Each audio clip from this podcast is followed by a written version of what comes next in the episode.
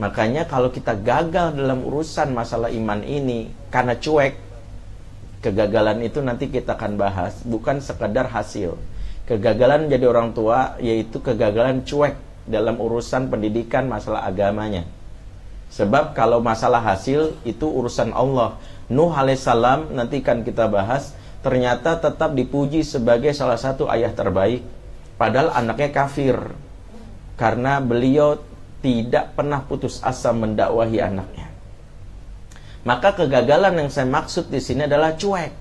Udah udah gede, biarin ngapain sih? Udah tanggung jawab masing-masing, rekening pahalanya urusan sendiri.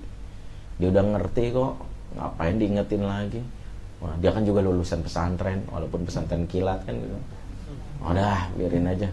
Bapaknya cuek aja. Ini yang akan ditanya oleh Allah. Maka orang tua yang mengingatkan anaknya kepada keimanan, kemudian anaknya mengikuti keimanannya, dipertemukan lagi. Inilah anak kita.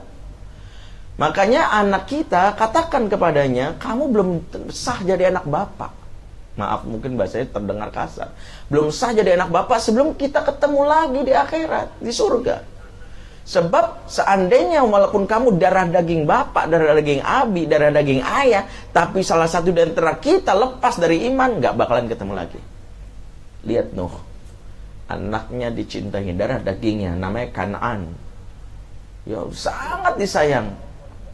Pada saat dia diingatkan kepada keimanan, dia menolak sampai akhirnya diterjang banjir dan akhirnya ditenggelam apa yang terjadi? Nuh menangis, tapi Allah ingatkan dan inilah salah satu yang harus kita ingatkan. Innahu laisa min ahlik. Sesungguhnya anakmu bukan anggota keluargamu. Maka yang disebut anggota keluarga kita itu bukan darah daging. Anggota keluarga kita adalah yang tersambung atas nama iman. Sehingga akan berantakanlah keluarga yang tak terhubung atas nama iman. Di sinilah kita memahami keluarga broken home bukan keluarga yang sekadar tercerai berai di dunia. Keluarga broken home adalah keluarga yang gak mampu kumpul bersama di surga. Kayaknya itu keluarga broken home. Kalau visi kita akhirat. Dengan kata lain, untuk menjadi orang tua hebat, maka visi tentang kehidupannya harus sudah benar. Di mana urusan akhirat tidak lagi nyambi. Perhatikan surat Al-Qasas ayat 77 wabtagi fima ataqallahu darul akhirah. Wala tansa nasibaka minad dunya. Carilah apa-apa yang membawamu kepada kejayaan negeri akhirat kata Allah. Tapi jangan lupakan urusanmu di dunia. Allah menegaskan cari akhirat jangan lupain dunia. Jangan diputer. Jangan dibalik. Yang terbalik bilang apa? Cari dunia ya nak. Jangan lupain akhirat. Salah Maaf, redaksi Quran mengatakan cari akhirat, jangan lupain dunia. Tapi bukannya mirip Ustaz, beda. Kalau cari dunia, jangan lupain akhirat tuh akhirat kalau berbenturan sama dunia biasanya akhirat yang ngalah.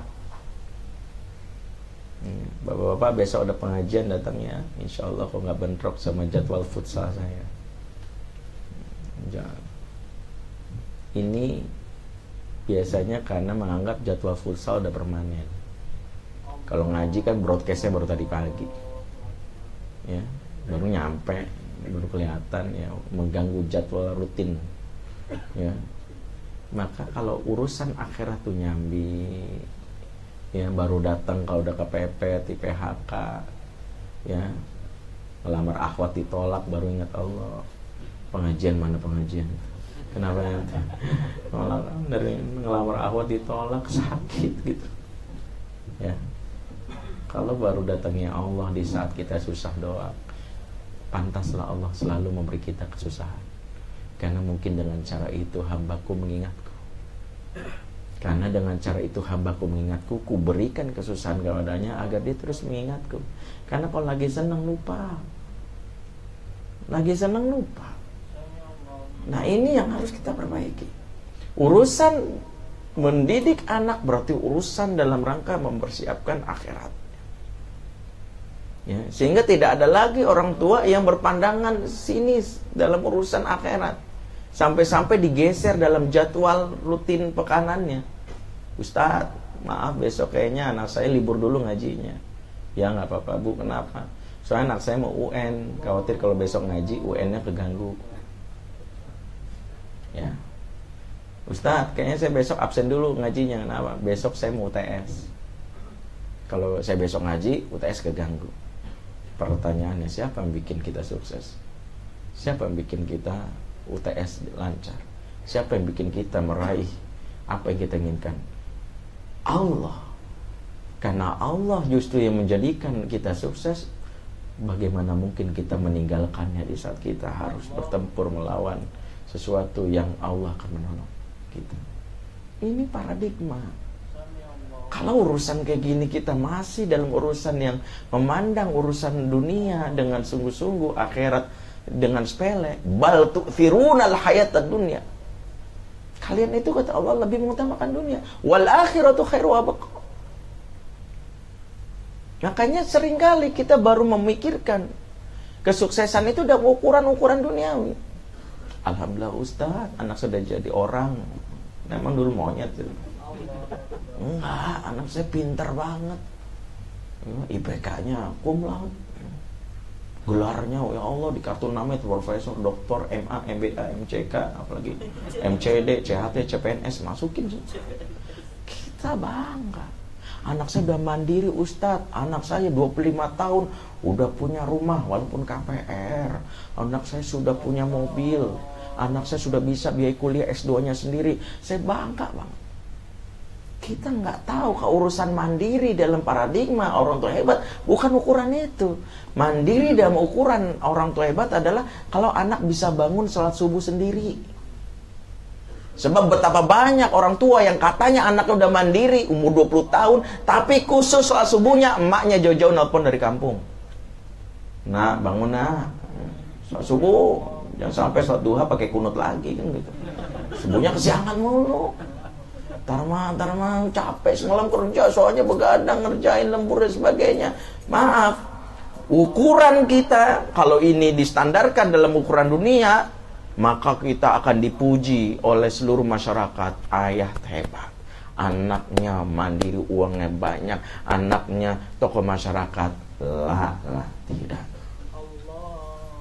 Ketika sholat subuhnya masih bergantung sama orang tuanya, gagal. Bersyukurlah punya anak umur 7 tahun, mungkin belum bisa menghasilkan uang. Tapi pas bangun subuh, loh anak saya mana? Hilang-hilang. Totonya yang azan dia. Lah ini kayak suara azan anak saya.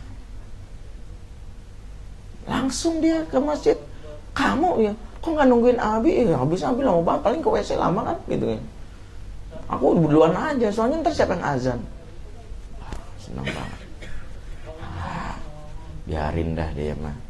Dia nggak punya penghasilan. Yang kita bilang itu nggak punya menghasilkan uang. Ini sadar anak kayak gini. Tengah malam nyipratin air ke kita, pikir ngajak main. Nggak. Di sholat malam. Ya, aku kan Quranku hafalannya cuma al ikhlas doang. Pengen dong berimam apa berjamaah sama Abi yang lebih panjang. Yang Abi kan ada surat paling panjang al kan gitu ya jadi enak maka ikhwatul iman ini ketika kita bahas tentang fulfill orang yang ibadah Al-Quran maka kita akan mendapatkan pertama hadiahnya apa kita akan mendapatkan bahwa tugas mereka dalam Al-Quran tak lain adalah kaderisasi iman. Kalau kita mendapatkan ini dan kita komitmen terhadap tugas ini, komitmen aja. Kita jangan fokus hanya untuk urusan fisiknya. Oke bahwa ada tanggung jawab memberikan makanan yang terbaik. Halalan toyiban, betul. Tetapi yang kita ingatkan adalah lebih dalam urusan akhiratnya. Kalau kita fokus aja dalam urusan ini, Allah janjikan yang pertama doa yang selalu dipanjatkan oleh kita dalam surah Al-Furqan 74 sering dihafal. Rabbana Rabbana hablana min azwajina wa dzurriyyatina qurrata ayun waj'alna lil muttaqina imama. Allah jadikan anak itu dan dikabulkan doa kita menjadi qurrata ayun. penyejuk mata kita, senang mandangnya. Bukan karena anaknya cakep, bukan karena kulit putih, mancung, mulus, lalat aja kepleset kata orang. Tetapi perilakunya yang menunjukkan buah dari akidah yang benar, ahlak yang baik. Apalah artinya punya anak yang cabi, iya putih, ganteng, tapi hamilin gadis tetangga. Ketangkep kapolsek, biang onar di sekolahan. Jendela ada yang pecah milik tetangga, stres. Karena satu, kita hanya fokus dalam urusan yang kaitannya dengan Islam. Tetapi anak yang kita tahu dididik dikarenakan urusan iman, maka buahnya itu apa? Selalu iman itu buahnya adalah akhlak. Tidaklah mungkin orang yang menanamkan iman kalau akhlaknya rusak karena antara iman dan akhlak itu selalu digandeng dalam banyak ayat dan hadis. Man kana yu'minu billahi wal yawmil akhir falyukrim jarahu. Karena kita mengajarkan iman kepada anak, maka dia belajar memuliakan tetangga. Man kana yu'minu billahi wal yawmil akhir falyukrim doifahu. Kita mengajarkan anak beriman pada Allah, maka dia akan memuliakan tamunya. Wa qada rabbuka alla ta'budu illa iyyahu wa bil walidaini ihsana. Tuhanmu telah mewajibkan karena dia dekat dengan Allah. Ya, dia meyakini berbakti sama orang tua bukan karena balas jasa, tapi karena kewajiban. Makanya anak yang imannya bagus tidak memandang hubungan ayah dan anak atau ibu dan anak itu dalam urusan barter. Dulu mama, papa kan baik sama aku. Maka aku baik. Bukan. Mungkin kita pernah hilaf. Ya mengajarkan iman tapi caranya keras. Tapi karena anak tertanam iman tersebut saat besar dia tidak berpikir untuk membalas keburukan orang tuanya. Kenapa karena berbuat baik sama orang tua bukan karena balas jasa. Mama, engkau yang memberikan memasak untukku. Mama, engkau menyusui aku. Mama, engkau mengatakan aku sekolah. Aku sayang kepadamu. Pertanyaannya kalau mamahnya nggak nganterin ke sekolah? Mamahnya nggak nyusuin? Mamahnya nggak masuk untuk masak untuk dia? Boleh untuk durhaka? Enggak. Kenapa karena berbuat baik sama ortu bukan karena balas jasa tapi karena ini perintah Tuhanku. Perhatikan kalau kita sukses menjadikan anak dari sisi keimanannya maka dia akan berbakti bukan karena belas jasa. Semakin memberikan servis pada kita. Mama baik papa baik aku harus lebih baik. Mama baik papa jahat eh, mama jahat papa jahat aku akan tetap baik karena ini perintah Tuhanku di sini Allah jadikan kalau tugasnya mendidik karena iman dapat kita di dunia anak menjadi kurta ayun seneng mandangnya Ya Allah, pengennya buru-buru pulang. Celetukan apa lagi nih? Kira-kira dia mau ngafalin surat apa lagi nih? Kira-kira dia mau tidur, mau sebutin Asmaul Husna lagi nggak? Enak. Kalau kita didiknya atas dasar iman di dunia. Di akhirat Allah berikan balasannya nggak tanggung-tanggung.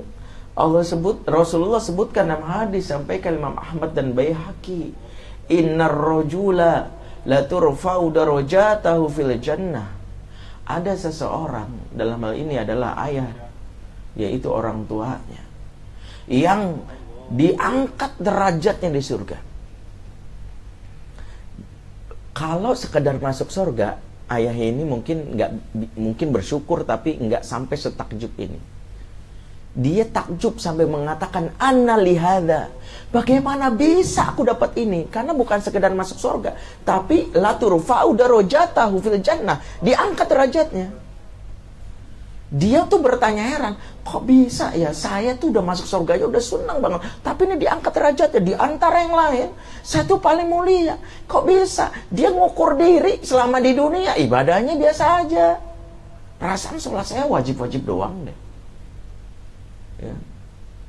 perasaan saya puasa juga yang wajib-wajib doang sekalinya puasa sunnah pas sudah kena stroke atau pas berat badan nambah gitu ya Allah over banyak puasa sunnah nih kayaknya Kalau nggak ada itu jarang saya puasa sunnah. Tapi kok bisa masuk surga ditinggikan? Faliyaku fayuqal maka dijawab oleh Allah. Ini jawabannya. Bi istighfari waladukalak. Karena permohonan ampun dari anakmu. Anak yang dididik atas dasar iman. Maka dia selalu mendoakan setelah ayat mulai wafat. Rabbi firli wali wali daya warhamu maka marbayani sabira ya setiap doa ini mengangkat derajat-derajat ya Allah. Dan ingat doa ini nggak bisa di request menjelang sakratul maut.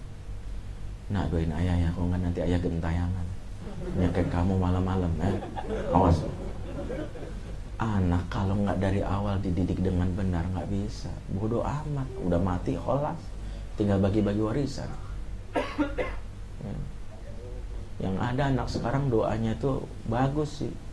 Ya Allah masukkanlah ayahku ke surga. Kalau bisa secepatnya. Jangan lama-lama. Maka ini balasan. Dari sinilah kenapa kajian hari ini untuk motivasi diri oh ya saya pengen dapetin kebahagiaan di dunia di mana memandang anak menjadi salah satu magnet membuat saya pengen pulang. Ya, jangan sampai karena salah didik anak jadi penyebab stroke pertama. Saya punya klien gitu. Uh, pengusaha kaya. Sampai dia bilang mas saya Ustadz kalau bisa perilaku anak ini bisa dibeli, saya beli. Dia punya anak satu perempuan, tapi klien saya ini kalau pulang mau pulang dari perusahaan dia dia apa ya pemilik sebuah perusahaan besar setiap dia mau pulang dia selalu minta diperiksa dulu minum obat dulu. Jantungnya berdebar. Laporan apa lagi dari tetangga? Kira-kira apa lagi nih? Kehebohannya buat anak saya di sekolah. Aduh laporan apa lagi nih dari security orang di rumah. Kemarin aja dia sempat shock anaknya loncat dari eh, lantai dua ke rumah tetangga sebelah. Demi kabur supaya dia bisa dugem malam-malam. Berdebar berdebar berdebar. Sampai dia bilang seandainya saya bisa beli seluruh perilaku anak saya itu dengan seluruh harta saya saya akan beli itu. Uang yang saya miliki ini gak ada artinya beda dengan ada mungkin yang seorang yang gajinya pas-pasan tapi anaknya ya Allah subuh ada di masjid. Bahagia sekali. Motivasi kerjanya luar biasa. Dia pun kalau bilang anak saya tuh pengen masuk pesantren ini biayanya berapa? Dia kerjanya punya motivasi. Nah inilah kenapa. Berarti kita mencoba untuk menelusuri bagaimana kita menjadi orang tua yang hebat dan ternyata orang tua hebat itu tidak mesti hasilnya bagus. Kita akan bahas pertama. Dalam Al-Quran, Allah telah menyebutkan profilnya di dalam surat Ali Imran ayat 33.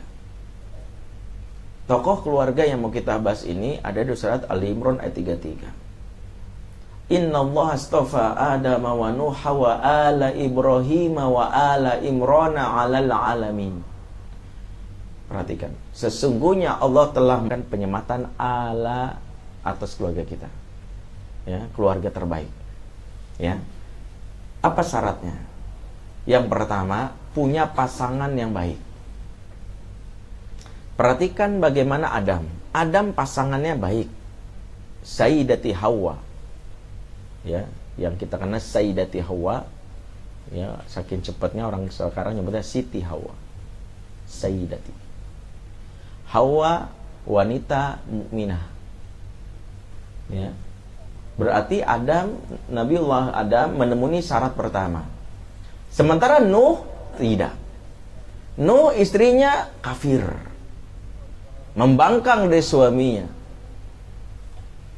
Sampai-sampai disebutkan imro'ati Nuh.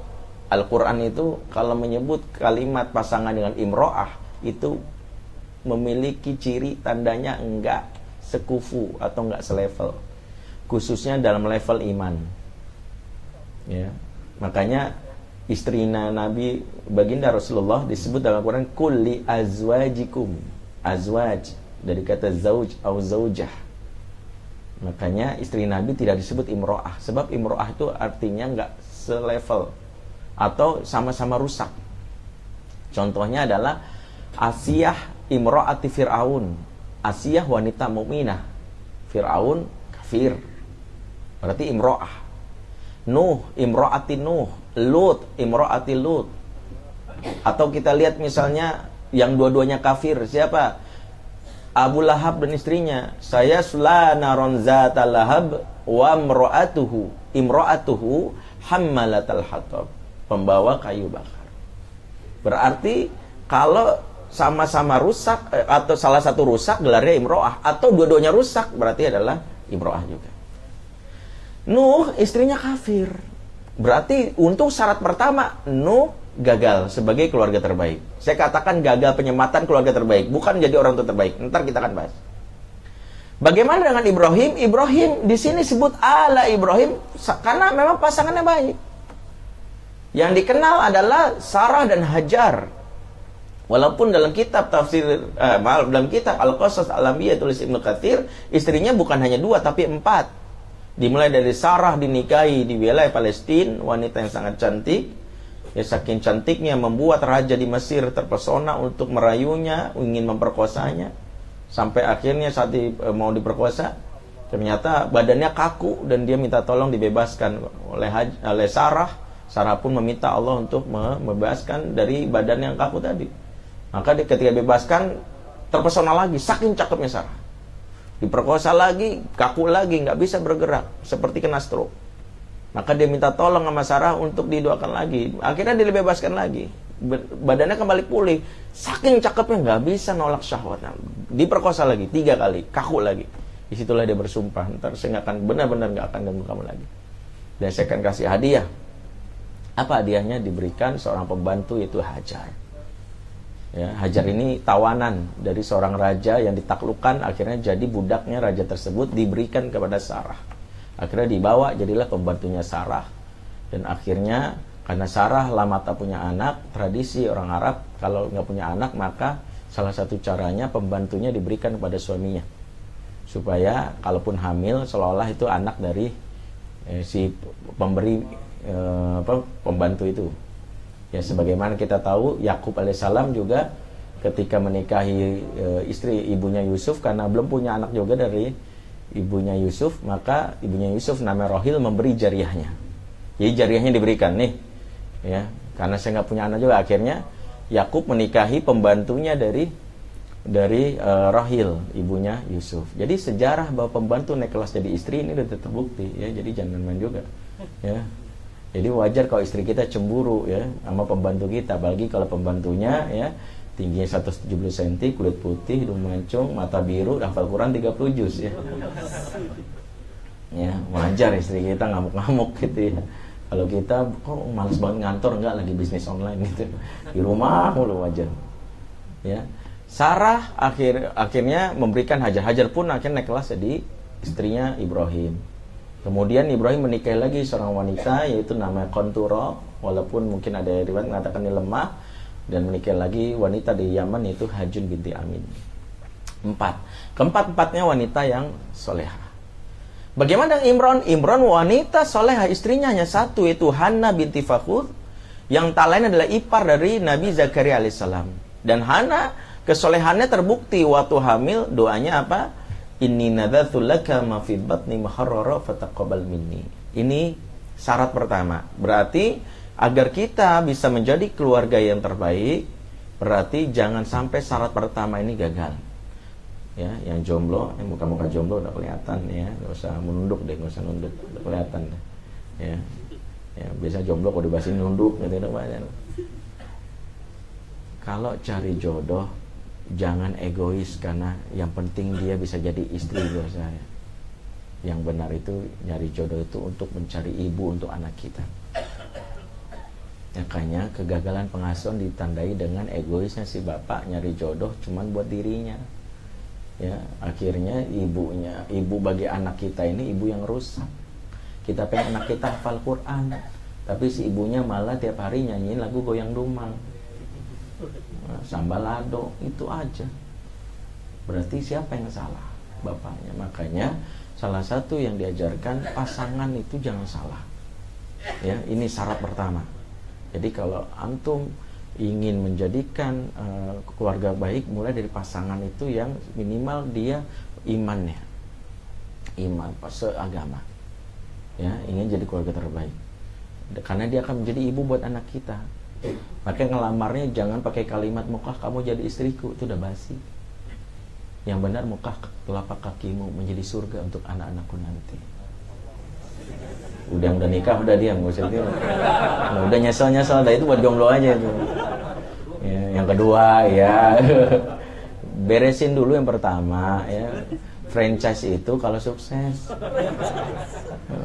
Ini gagal bikin lagi berantakan. Nah antum franchise-nya bagusin dulu nih. Bagus baru bilang. Masa kita doang yang begini doang nggak bu pengen buka cabang lain lagi gitu. Tapi ya pasangan setelah pasangan, anak, syarat kedua anak. Nah, di syarat kedua inilah Nabiullah Adam gagal. Kenapa? Karena salah satu anaknya menjadi pelaku dosa besar pertama di muka bumi. Yaitu melakukan pembunuhan. Siapa namanya? Qabil. Ya, Qabil Pak Habil. Qabil ya, kalau ingin mengingatnya gampang. Qabil dengan mirip dengan kalimat qatil. Qatil itu pembunuh qatil pembunuh berarti qabil yaitu yang kalau untuk, menghafalnya dengan mudah Qabil itu pembunuh pertama di muka bumi ini dan Rasul sudah memberikan sabdanya bahwa dosanya setiap kasus pembunuhan hingga akhir zaman akan ditanggung oleh Qabil tanpa mengurangi dosa pembunuh tersebut. Karena dia pelopor pertama. Pelopor ini disebut dengan sunnatus sayyi'ah pelopor kemaksiatan itu waliyazubillah dosanya besar.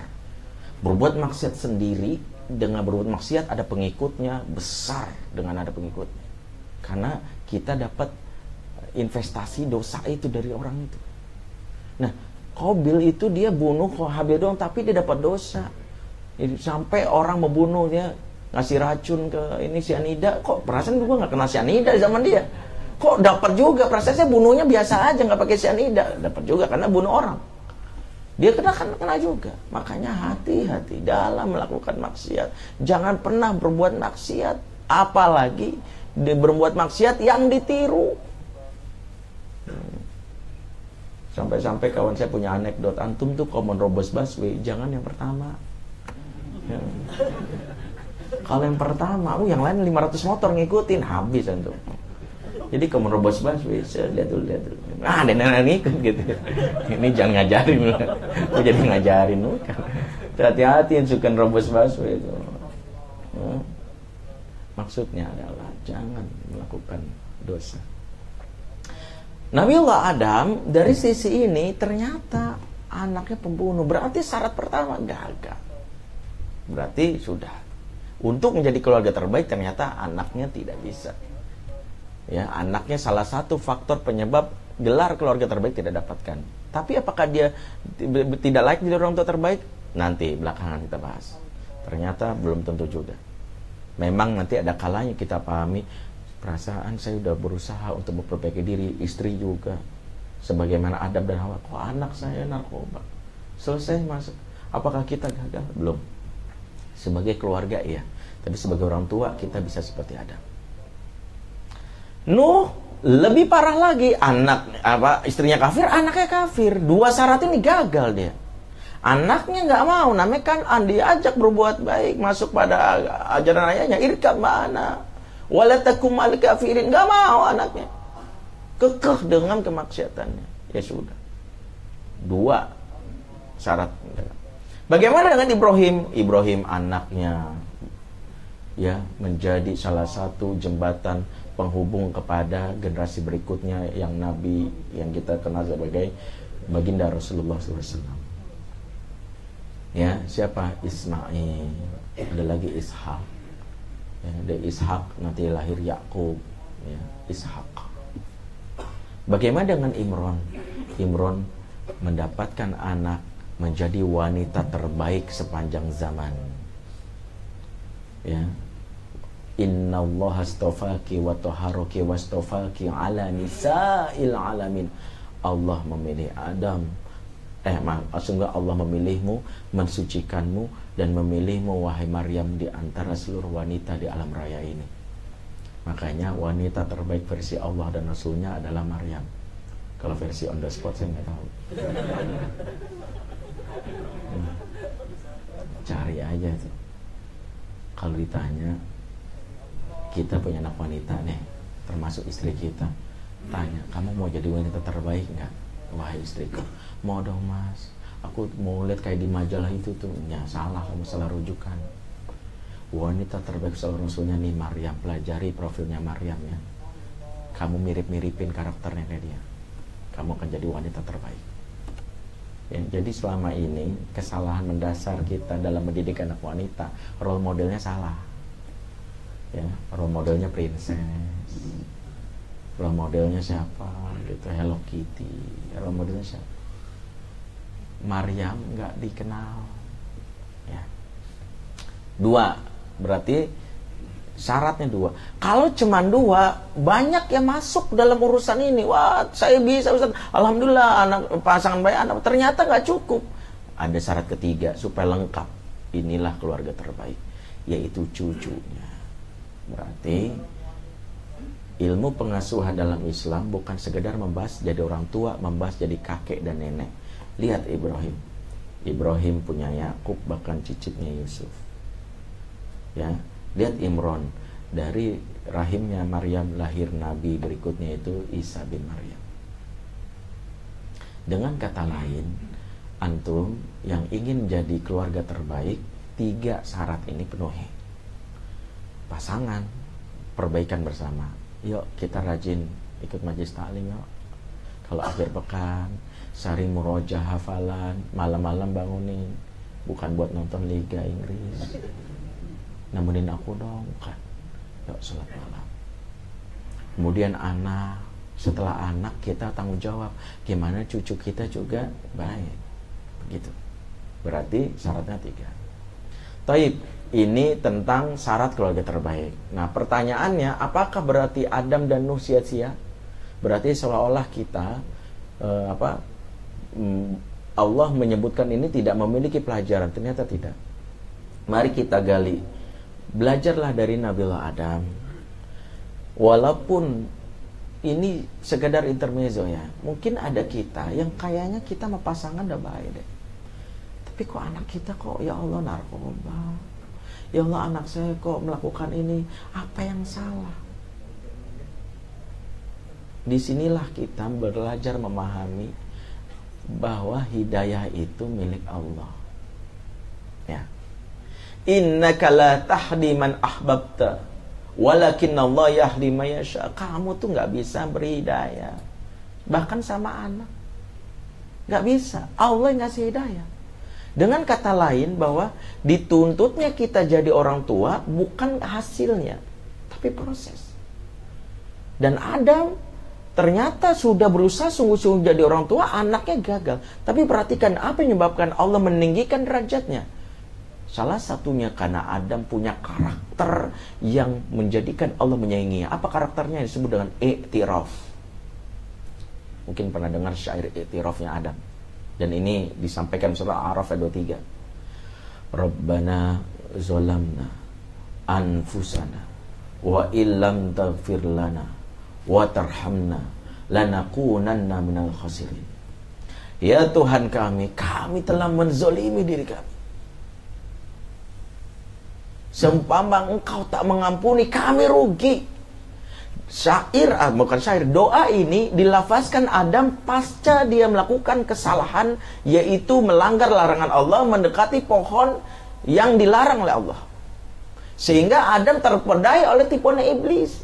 Ketika terpedaya tipuan iblis maka Allah murka mengeluarkan dari surga. Perhatikan saat dia dikeluarkan dari surga Adam tidak pernah menyebut kalimat ya Allah ini gara-gara iblis. Iblis nih biang keroknya nih kalau bukan karena iblis, saya udah di surga. Ini dia godain saya terus. Maka, saat kita melakukan kesalahan dan ditunjukkan oleh anak kita kalau ingin menjadi orang tua yang dimuliakan oleh Allah maka jangan pernah nyalahin pihak luar ini gurunya nih bego nih ini gara-gara warnet nih warnet depan depan sekolahan nih ini PS nih. Ini mall nih dibangun nih. Jadi anak saya tuh malas ke masjid. No. Yang terbaik kalau kita mendapatkan anak kita melakukan hal-hal yang di luar dari syariat maka nengoknya ke dalam. Rabbana itulah orang tua yang akan dimuliakan. Jadi jangan nyalain orang mulu. Ini anak saya ini gara-gara gadget nih bukan gadget memang pemicunya. Tapi kenapa sih dia main gadget? Karena bosan. Bapaknya nggak pernah ngajak main. Anak yang tak mendapatkan hiburan di dalam rumahnya maka dia menjadikan tempat lain untuk menghibur dirinya. Kenapa? Karena hiburan bagi anak ibarat makanan. Kalau nggak dipenuhi oleh orang tuanya dengan cara bermain, ngobrol yang happy, maka dia secara insting mencari jajanan sendiri di luar. Makanya kalau anak candu gadget, evaluasinya iya ya gue kalau ketemu selalu nanya PR udah belum, makan udah belum. Gak pernah bilang nana, nana mancing sama ayah ya. oh, seneng. Eh ayah besok liburan, gimana kalau ikut traveling sama ayah? Gitu. Berarti kalau ada anak yang sampai dia candu bisa jadi karena kita dia menyalahkan gadget padahal bukan karena gadget pelarian atas kebutuhan dasarnya. Itulah kenapa dalam konteks memahami apa yang dialami oleh Adam ini kita harus berupaya untuk menengok ke dalam diri sebagai orang tua. Faktor luar abaikan dulu. Betul faktor luar ada. Sekarang tuh banyak uh, tempat tongkrongan terbergaluan betul. Tapi yang benar itu ada nggak utang pengasuhan? Kenapa ya anak saya tuh sholatnya males oh ya dulu tuh waktu ngajarin sholat bukan dengan motivasi tapi ngancem jadinya anak tuh sholat tuh takut bukan karena cinta berarti kita utang Ya, kenapa? Karena perhatikan pepatah ini, tazra'u taksudu, yang kamu tanam itu yang kamu tuai. Berarti orang tua itu kayak petani. Kalau ternyata hasil padinya itu ternyata busuk atau padinya nggak menggembirakan, nggak seperti yang kita inginkan, berarti kita evaluasi waktu dulu garap sawahnya gimana. Jangan kita salahin mulu pihak luar. Nah di sinilah kenapa pepatah ini memberitahu yang kita tanam itu yang kita tuai. Dengan kata lain, dalam konteks kita untuk mengevaluasi diri, kaidahnya adalah pengasuhan itu ibarat utang piutang. Jika tak diberikan kepada anak di masa kecil, anak akan menagih di usia dewasa dengan perilaku yang menyebalkan. Makanya kalau anak udah gede, nyebelin banget, nyebelin banget. Sejatinya dia, sejatinya dia sedang jadi debt collector atas hak yang tidak diberikan di masa kecil. Ya. Jadi kalau dia nyebelin banget sih, sini kamu papa mau ngomong, entar bang, entar entar apa, papa mau ngomong, entar entar, kamu tuh benar-benar ya. Coba dulu waktu dia datang pulang sekolah, papa papa, aku tadi di sekolah main futsal, entar entar entar, ini lagi repot nih, lagi WhatsApp nih lagi seru nih, lagi bahas 411, entar dulu. Kan kita gitu. Loh, jadi kita saling mau entar entar entar entar, anak terlatih tuh ngomong entar entar, karena kita dulu waktu kecil ngomong entar entar maka jangan salahin kalau anak udah gede nggak sanggup ngurus kita. Udahlah ke panti jompo. Seperti kita nggak sanggup mengurusnya ketika anak bermasalah masa kecil. Cari daycare terbaik cari pesantren terbaik. Males juga ngurus anak kayak gini. Perhatikan. Kayaknya jangan sampai ya mereka menagihnya. Ingat ya selalu saya bilang anak itu katanya titipan Allah. Jangan dititipin lagi ke orang lain Emangnya Allah salah nitip? Tapi kan Ustaz, saya ke pembantu masa nggak boleh? Boleh. Jangan sering-sering, kalau udah sering doanya beda. Robi fili wali khodimati warhamha kama rabbani ya Allah ampunlah dosaku dan dosa pembantuku sehingga ia karena ia mengasuhku di waktu kecil ya ini pertama ini materinya sampai jam satu ya, ya udahlah akhirin aja sampai dua aja deh ya pelajarannya panjang nih sebenarnya Yang kedua, Adam sudah. Bagaimana dengan Nuh? Jam yang benar mana tuh? Oh ini itu soalnya. Oke, ini ya patokannya ini. Belajar dari Nuh. Nuh, Allah uji beda lagi. Kalau Anda masih mending dapat hiburan dari istrinya, baik. Ini udahlah istrinya susah diatur, anaknya juga. Masya Allah, berat banget. Kalau kita jadi mungkin kayak Nuh, keputusan apa? Cerai. Kamu gampang cari cabang lain. Emang kamu doang enggak. Di sinilah kenapa saya bilang orang yang berusaha sabar terhadap pernikahan yang tidak disukai dalam rangka perbaikan dan dia mampu untuk itu dia mendapatkan pahala layaknya Nabi Nuh. Atau pahala layaknya Asia. Asia itu ya Allah ngapain sih punya suami model kayak Fir'aun? Ya. tapi dia bersabar. Maka dibangun rumah istana surga. Pasangannya jelek. Anaknya juga jelek. Wah ini udah luar biasa Kenapa sudah diberikan pasangannya buruk, anak buruk, Allah puji, bahkan Allah puji. Inilah mungkin nasib kita sebagian orang. Punya pasangan buruk, anaknya juga ikut-ikutan dari pasangan kita. Nggak mau ikut ajaran kita. Apa yang kita lakukan kalau ini terjadi? Maka jangan berpikir bahwa kita mundur dari situasi tersebut. Kalau ingin dimuliakan, jadilah like Nuh. Karena Nuh dimuliakan, karena dia tak pernah putus asa dalam berdakwah khususnya pada keluarga. Ingat kalimatnya. Ini dautu qaumi lailan wa nahara falam yazidum du'ai illa firara. Ya Tuanku sungguh aku telah menyuruh kaumku di dalamnya termasuk anak istrinya malam dan siang. Bukan hanya siang, malam juga. Kita ke malam molor. Dia malam masih sempat itu menyeru kaumnya, anak istrinya. Bukannya menambah mereka, malah takut, mereka malah kabur. Ya, Malah mereka bukannya mendekat, malah kabur. Di sinilah Allah memuji Nuh sebagai Rasul Ulul Azmi. Kenapa? Karena Nuh tak pernah putus asa dan proses. Terus ngajak. Maka anaknya terus dikatakan, irkam mana, irkam mana, ayo naik perawaya. Sampai anaknya mati baru selesai. Makanya di sini, jangan pernah berpikir bahwa Ustadz udah telat, Ustadz. Terlambat. Anak sudah gede. 20 tahun. Udah gak mungkin lagi. Saya bilang nggak ada istilah terlambat dalam pengasuhan. Terlambat itu hanya untuk datang bulan dan gajian. iya. Dalam pengasuhan batasnya apa? Hatta ya dia kali yakin sampai mati. Kalau udah mati, kita yang mati atau dia mati, kholas, udah. Udah nggak bisa lagi. Selama masih dia bisa menyebut nama Allah sampai ditarik namanya, nah Allah dan dia menutup itu. Kita alhamdulillah anak saya walaupun narkoba sebagian di ujung kehidupan yang ngomong Allah. Hmm. makanya jangan putus asa. Orang tua yang putus asa inilah orang tua yang tidak diberikan pahala atasnya itulah keadilan Islam bahwa Islam dalam urusan berdakwah dalam urusan mengasuh bukan dinilai hasilnya tapi proses. Wa malu faisarallahu malukum rasuluhu wal mu'minun. Katakanlah berproses aja kan berproses. Ya bekerja kita udah lakukan terbaik anak kita nggak mau juga. Lakukan jangan putus asa terus. Cari berbagai macam teknik. Diajak sampai batas kematian. Kalau kita udah mengatakan udahlah mendingan cari anak yang lain. Ada orang tua kayak gini maka perhatikan sebagaimana Nabi Yunus kecewa dan putus asa atas kaumnya Allah menghukumnya dengan masukan dan perut ikan paus. Dalam surat Al-Anbiya 87 wa dzannun idzahaba mughadiban fazanna ala naqdiru alaihi Fanada fi zulumat Allah ilaha illa anta subhanaka inni kuntu Ingatlah kejadian dan kisah Zunun yaitu Nabi Yunus. Dia tinggalin kaumnya dengan marah.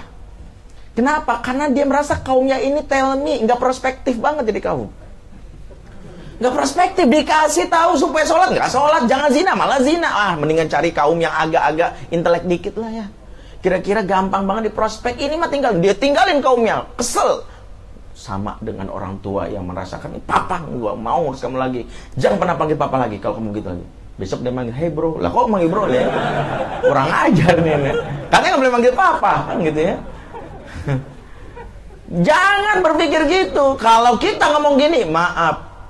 Yunus, Nabiullah Yunus diberi teguran Allah dimasukkan dan perut ikan paus di kehidupan gelap menjijikan orang tua yang putus asa terhadap anak yang sambil mengatakan gak usah kamu jadi apa apa keluar kamu.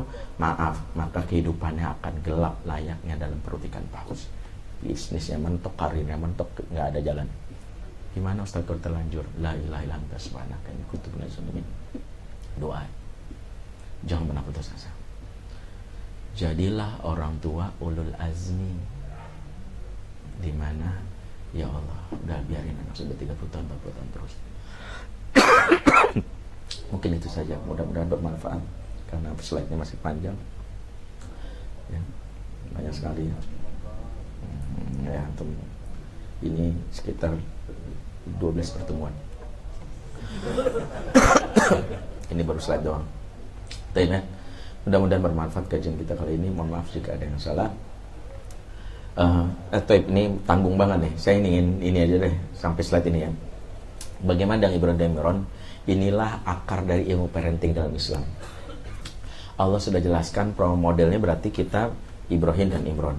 Ternyata mereka punya spesifikasi yang menunjukkan inilah cara bagaimana mendidik anak jika mengalami situasi yang berbeda.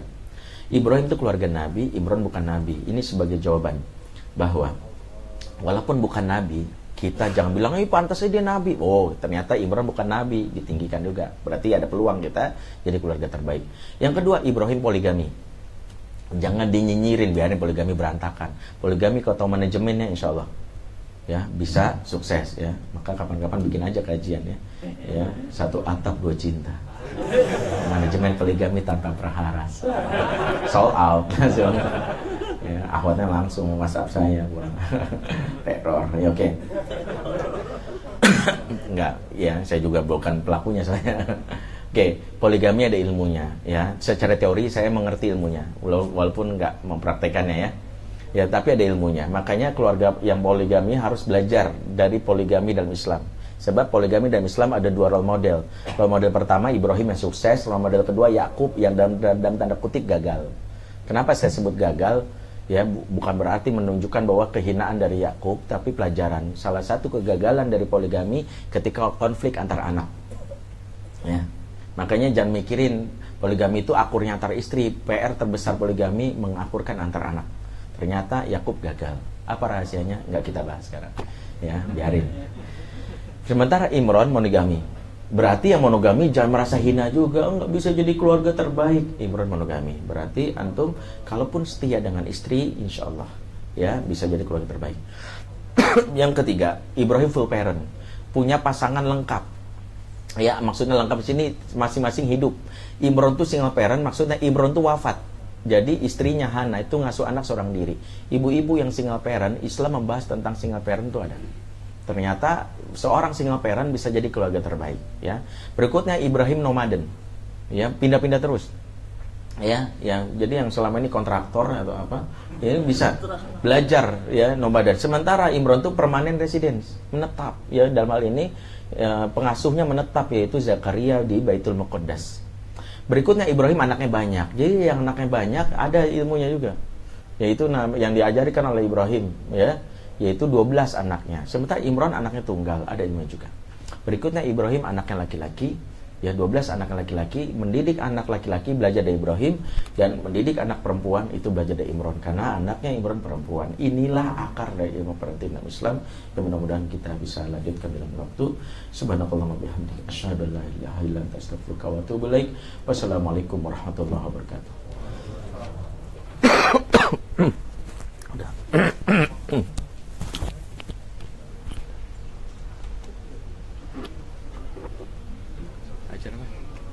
Oh iya di teman antum ya. Besok itu mendidik anak perempuan ya. Udah pernah saya bahas belum pembukaan? Belum laki-laki. Oh ya kita terakhir mas laki-laki. Baik, syukur.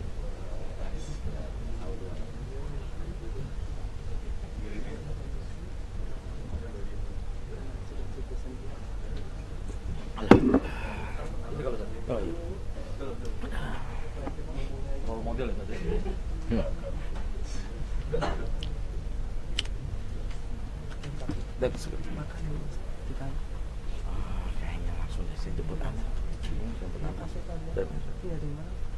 60 persen. Boleh oh. nanya tadi boleh boleh. Kalau antum tadi menyampaikan kan balasan orang tua hebat di akhirat itu nulis akan ditolong oleh anaknya itu ya. Bagaimana kita kondisi orang tuanya mungkin dalam kondisi yang ideal bukan mendidik anaknya